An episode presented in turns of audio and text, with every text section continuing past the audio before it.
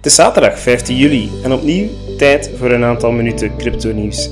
Deze week toch wel een enorme speciale aflevering van CryptoBus, want we behandelen eigenlijk maar één headliner. Waarom? Omdat hij de crypto-industrie op zijn kop zette eerder deze week. Dus vandaag Ripple, ook wel bekend als XRP, die wonnen namelijk de rechtszaak tegen de Amerikaanse SEC, de Security and Exchange Commission. Ik geef graag wat uitleg rond de beslissing, de prijsimpact op de markt, want die was gigantisch, en wat we in de nabije toekomst mogen verwachten. Ik ben Jason en uh, welkom bij Simply Crypto.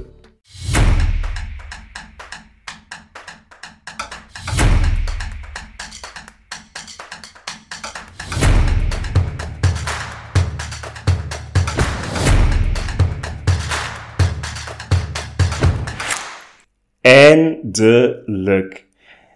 Jaren hebben we moeten wachten, maar het belangrijkste verdict is gevallen rond Ripple.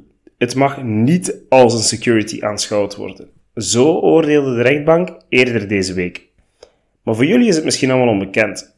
Wat is Ripple? Wat is een security of een effect? En waarom is deze beslissing dan zo hyperbelangrijk? Alles op zijn tijd. Laten we starten met wat dat Ripple is. Ripple, of XRP beter gezegd, is een digitale valuta die wordt gebruikt binnen het Ripple-netwerk. Ripple Labs is het bedrijf achter XRP, dus achter de munt, en richt zich op het ontwikkelen van technologieën en oplossingen voor snelle, veilige, kostenefficiënte internationale betalingen. Dus wat doet het Ripple-netwerk? Ze beheren een blockchain, dat kennen jullie ondertussen, dat de verschillende financiële instellingen met elkaar gaat verbinden. En het doel van Ripple Labs, dus het bedrijf erachter, is om de inefficiënties, de vertragingen die bijvoorbeeld gepaard gaan met de traditionele manieren om grensoverschrijdende betalingen aan te pakken, uh, om die te doen verdwijnen. Kortweg, geld sturen naar onkel Chai in Taiwan of naar Aunt Felicia in de States, wel, via Ripple gaat dat een pakje sneller. In tegenstelling tot de traditionele betalingsnetwerken, waarbij je eigenlijk transacties vaak via meerdere tussenpersonen moet doen, van bank naar bank enzovoort, eh, is het via het Ripple-netwerk dat maakt gebruik van een consensusprotocol, namelijk XRP Ledger. Dus een soort van contract waar alles in staat van hoe alles moet gaan gebeuren. Dat protocol maakt directe overdrachten van waarde, van geld bijvoorbeeld, mogelijk tussen partijen zonder die tussenpersonen. Opnieuw decentralisatie dus, de core van blockchain. Halleluja.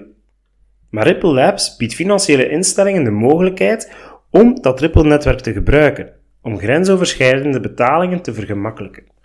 Dus door het gebruik van XRP, de munt eigenlijk, als een soort van brugvaluta, een tussenschakeling tussen munt 1 en munt 2, bijvoorbeeld euro en dollar, kunnen financiële instellingen liquiditeiten, dus geld verschaffen aan andere deelnemers in het netwerk, waardoor dat transacties veel sneller, efficiënter en zelfs veiliger kunnen uitgevoerd worden. Nu, het bedrijf, Ripple Labs, heeft ook verschillende producten en oplossingen ontwikkeld, zoals Xcurrent, Xrapid, Xvia. Die zijn gericht op het verbeteren van de betalingssystemen, zoals dat wij dat nu ook kennen via Worldline of Mastercard, en het vergemakkelijken van internationale transacties. Nu, die producten maken gebruik van technologieën van Ripple Labs en kunnen worden geïntegreerd in bestaande financiële infrastructuren. Dat wil zeggen dat als jij later gaat betalen um, met je Mastercard op een Worldline uh, bankje, uh, een betaalcontact in een winkel, dat dat eigenlijk gewoon blockchain gestuurd kan zijn. Jij merkt daar niets van, maar de technologie is wel nieuw en als je erin investeert, investeer je dus ook in de technologie die gebruikt wordt voor die betalingen te doen. Het aantal partners dat Ripple Labs heeft is trouwens um, fenomenaal, is ongelooflijk. Uh, check hun website maar eens. Er zijn onder andere ook um, met Worldline, met uh, Mastercard, met PayPal heel wat contacten lopende, maar die werden tegengehouden door toch wel wat ongerustheid, omdat er een rechtszaak liep of loopt tegen Ripple. Maar voor ik het over de rechtszaak heb, is het belangrijk om op te werken dat Ripple Labs, dus het bedrijf, en Ripple, de munt XRP, dus de afkorting ervan, dat dat afzonderlijke entiteiten zijn. Hoewel het bedrijf een groot aantal van die XRP in bezit heeft. XRP of Ripple, de munt dus, kan worden verhandeld op uh, verschillende beurzen, maar dat werd ook voor een groot deel stopgezet toen de rechtszaak begon. Bijvoorbeeld op Coinbase kon je geen Ripple meer traden, op Binance kon je dat wel. Bon, super uh, tof project dus, maar waarom zou de Amerikaanse overheid hen dan aanklagen? Laat ons eens zien. Nu, het is niet zo evident om dit uit te leggen, maar ik ga mijn best doen. Uh, de Amerikaanse overheid heeft een rechtszaak aangespannen tegen Ripple Labs. Waarom? Omdat zij denken dat er overtredingen zijn gebeurd in de security um, laws of binnen de effectenwetten. Ja, in simpele woorden wil dat eigenlijk zeggen dat de overheid beweert dat Ripple Labs de munt Ripple heeft verkocht als een beleggingsproduct, zonder dat ze op de juiste manier geregistreerd waren of zonder dat ze toestemming gekregen hebben van de juiste autoriteiten. En de aanklager daarvan, of de waakhond daarvan, die noemt de Securities and Exchange Commission, de SEC, daar heb je mij bij de vorige CryptoBuzz ook horen vertellen.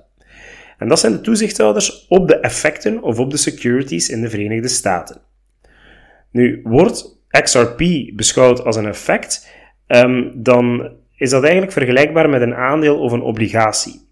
Dus dat betekent in dat geval dat Ripple Labs, als het een effect is, bepaalde wettelijke verplichtingen heeft, zoals bijvoorbeeld het registreren van Ripple uh, als munt dan, um, en de juiste informatie verstrekken waar nodig aan de potentiële investeerders.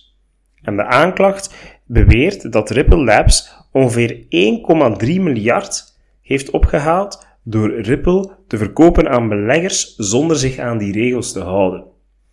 Nu, de Security and Exchange Commission of de SEC, zij beweren dat Ripple Labs, dus eigenlijk de munt Ripple opzettelijk heeft gepromoot als een investeringsmogelijkheid, terwijl ze volgens de SEC de juiste wettelijke procedures niet gevolgd hebben. Dus daar zit het probleem in. Maar dan is de vraag, wat waren de aanklachten dan exact? Er zijn in principe drie specifieke aanklachten geweest. Het kan misschien wat saai klinken, maar het is wel belangrijk om het allemaal te begrijpen. De eerste was, wat we al hebben aangehaald, het onwettig verkopen van effecten. Dus dat wil eigenlijk zeggen dat de SEC beweert dat Ripple Labs Ripple heeft verkocht als een effect. Een effect is dus een beleggingsproduct. Zonder de juiste registratie bij de SEC of vrijstelling van registratie. Volgens de SEC werd Ripple door Ripple Labs opzettelijk aangeboden en verkocht als een beleggingsmogelijkheid aan beleggers. Een tweede reden waarom dat ze werden aangeklaagd is het niet openbaar maken van informatie. De SEC heeft eigenlijk gesteld dat Ripple Labs en zijn topfunctionarissen, de CEO bijvoorbeeld Brad Garlingerhouse en ook de medeoprichter Chris Larsen, dat zij verzuim hebben gepleegd over belangrijke informatie uh, om die over te maken aan, aan potentiële investeerders. Dit omvat onder andere het niet bekendmaken uh, van wat zij doen met hun eigen Ripple, die ze een persoonlijke titel bijhouden. En uh, het ging ook over de betrokkenheid bij bepaalde promoties van XRP als een investeringskans. En dan, liep er ook nog een, dan loopt er ook nog een derde aanklacht, en dat ging over misleidende verklaringen. Dus de SEC stelt daar dat uh, Ripple Labs en zijn functionarissen misleidende verklaringen hebben afgelegd over Ripple, met name over de vraag of Ripple als een effect moet worden beschouwd, ja of nee. De SEC stelt dat Ripple Labs beleggers heeft misleid door Ripple te presenteren als een digitaal activa met gebruikerstoepassingen, terwijl het volgens hen eigenlijk als een effect moet worden beschouwd. De vraag is dus, heeft het een maatschappelijk nut? Daar komt het eigenlijk op neer. Nu, wat is er deze week dan gebeurd? Supergoed. De eerste stelling, het feit dat Ripple Labs en Ripple, um, dat dat uh, verkocht werd als een effect, is dus eigenlijk volledig nietig verklaard. Ze hebben gezegd, of ze hebben geoordeeld, rechter Torres heeft geoordeeld, dat um, dit niet het geval was. En die aankondiging, qua tijd ook, is op zijn minst opvallend, omdat recentelijk, zoals ook aangehaald in de vorige CryptoBus, diezelfde SEC ook aanklachten heeft ingediend tegen andere projecten. Tegen Solana, tegen Cardano, tegen Algorand, Polygon bijvoorbeeld, die zijn eigenlijk ook als voornaamste namen naar voren gekomen toen. Ja, en omdat dit onderdeel in de rechtszaak nu nietig verklaard werd, is een groot deel van het vertrouwen in die cryptowereld hersteld. De grip die de Amerikaanse overheid op een of andere manier op die cryptowereld met als voorbeeld Ripple probeerde te nemen, is dus minder groot als verwacht, waardoor dat heel wat beleggers opnieuw zwaar investeren in alle soorten cryptomunten, ook los van Ripple. Deze rechtszaak wordt als een precedent gezien en als een voorbeeld gezien, maar het belang daarvan kan dus ook echt niet onderschat worden. De argumenten die de SEC hadden tegen Ripple waren al zwak, maar bij Ripple waren ze wel nog een heel stuk sterker dan bij de nieuwe rechtszaken, zoals daar straks opgenoemd Solana, Cardano, Algorand, Polygon, die er mogelijks aankomen. Je kan dus concluderen, als, je, als ze het niet kunnen waarmaken bij Ripple, gaan ze het zeker niet kunnen waarmaken bij die andere projecten. Waarom? Omdat de SEC letterlijk geen poot meer heeft om op te staan. Zeker niet in de komende rechtszaken. En omdat mensen en investeerders, instituties dat ook beseffen, um, creëert dat een totale positieve invloedssfeer. En die positieve invloedssfeer die heeft heel de altcoin-markt doen ontploffen op donderdag na de bekendmaking van het nieuws. En het zou nog even kunnen duren, maar straks meer daarover. De eerste grote vraag is: is die rechtszaak is die dan afgelopen? Het antwoord is nee.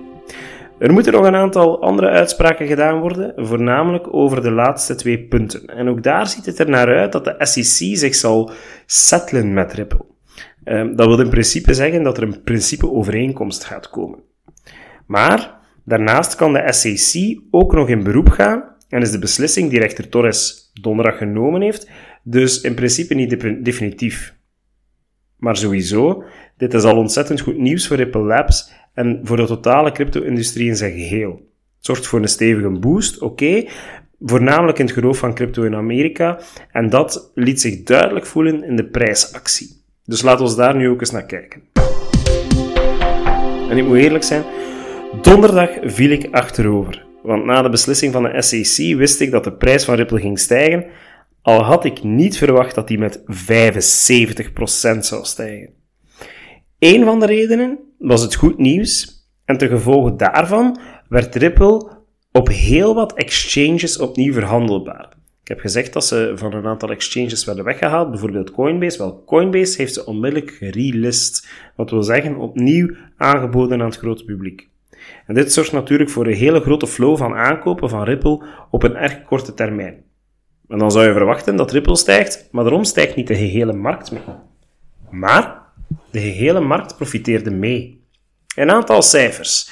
Bitcoin steeg met 5%, Ethereum met 10%, Cardano uh, met meer dan 20%, Matic, Solana, Algorand, BNB, Polkadot, Chainlink en andere grote chains lieten winsten optekenen tussen de 8 en de 30%. En de volledige top 100 stond zo groen als de Chicago River op St. Patrick's Day. Maar hoe komt dat dan? Wel, voornamelijk, mijn mening trouwens, omdat het institutionele geloof in crypto terug is. De angst voor slecht aflopen van dergelijke zaken is gezakt. Vooral in Amerika is vertrouwen terug, dus um, kunnen degenen die de laatste jaren zichzelf goed hebben ingekocht, maximaal gaan profiteren. Maar langs de andere kant moeten we nog steeds opletten. Want wat donderdag groen is, kan morgen rood zijn en dus in het negatieve gaan. Een retracement noemen we dat ook wel, wat eigenlijk betekent dat er een klassieke zakking komt na een grote stijging, is onvermijdbaar en dat zagen we ook vandaag al. Mooi voorbeeld met Ripple. Ripple ging van 37 eurocent naar 74 eurocent en staat nu op 63 cent. Een logische terugval, maar vooral nog altijd gigantische winsten. Maar je bent wel van 37 naar 63 gegaan. Nu, de vraag is of dat dit vernieuwde vertrouwen de start van de bullrun binnen de altcoin-markt kan inluiden. Um, zullen die altcoins, en altcoins zijn alle munten behalve bitcoin, in de komende maanden een vernieuwd vertrouwen kennen? Zullen ze blijven stijgen? het is nog maar de vraag, maar we zitten vooral nog steeds in een bear market. En dat is niet belangrijk om te vergeten. we verwachten pas een grote push na de halving van 2024, waarschijnlijk in 2025. Nu, spannend is het in elk geval. Welke kant het ook op gaat, niemand kan het zeggen. Um, advies geven langs mijn kant is ook moeilijk. En dat is ook geen sinds wat ik probeer te doen. Ik probeer gewoon te blijven opvolgen en jullie nieuws te blijven brengen. Maar uh, ook aan jullie diezelfde boodschap. Hè. Volg die kanalen, volg uh, Cointelegraph, volg uh, de prijsactie op CoinMarketCap of CoinGecko. Het is enkel maar op die manier dat je zelf ook wat meegeraakt in de cryptowereld. Voilà.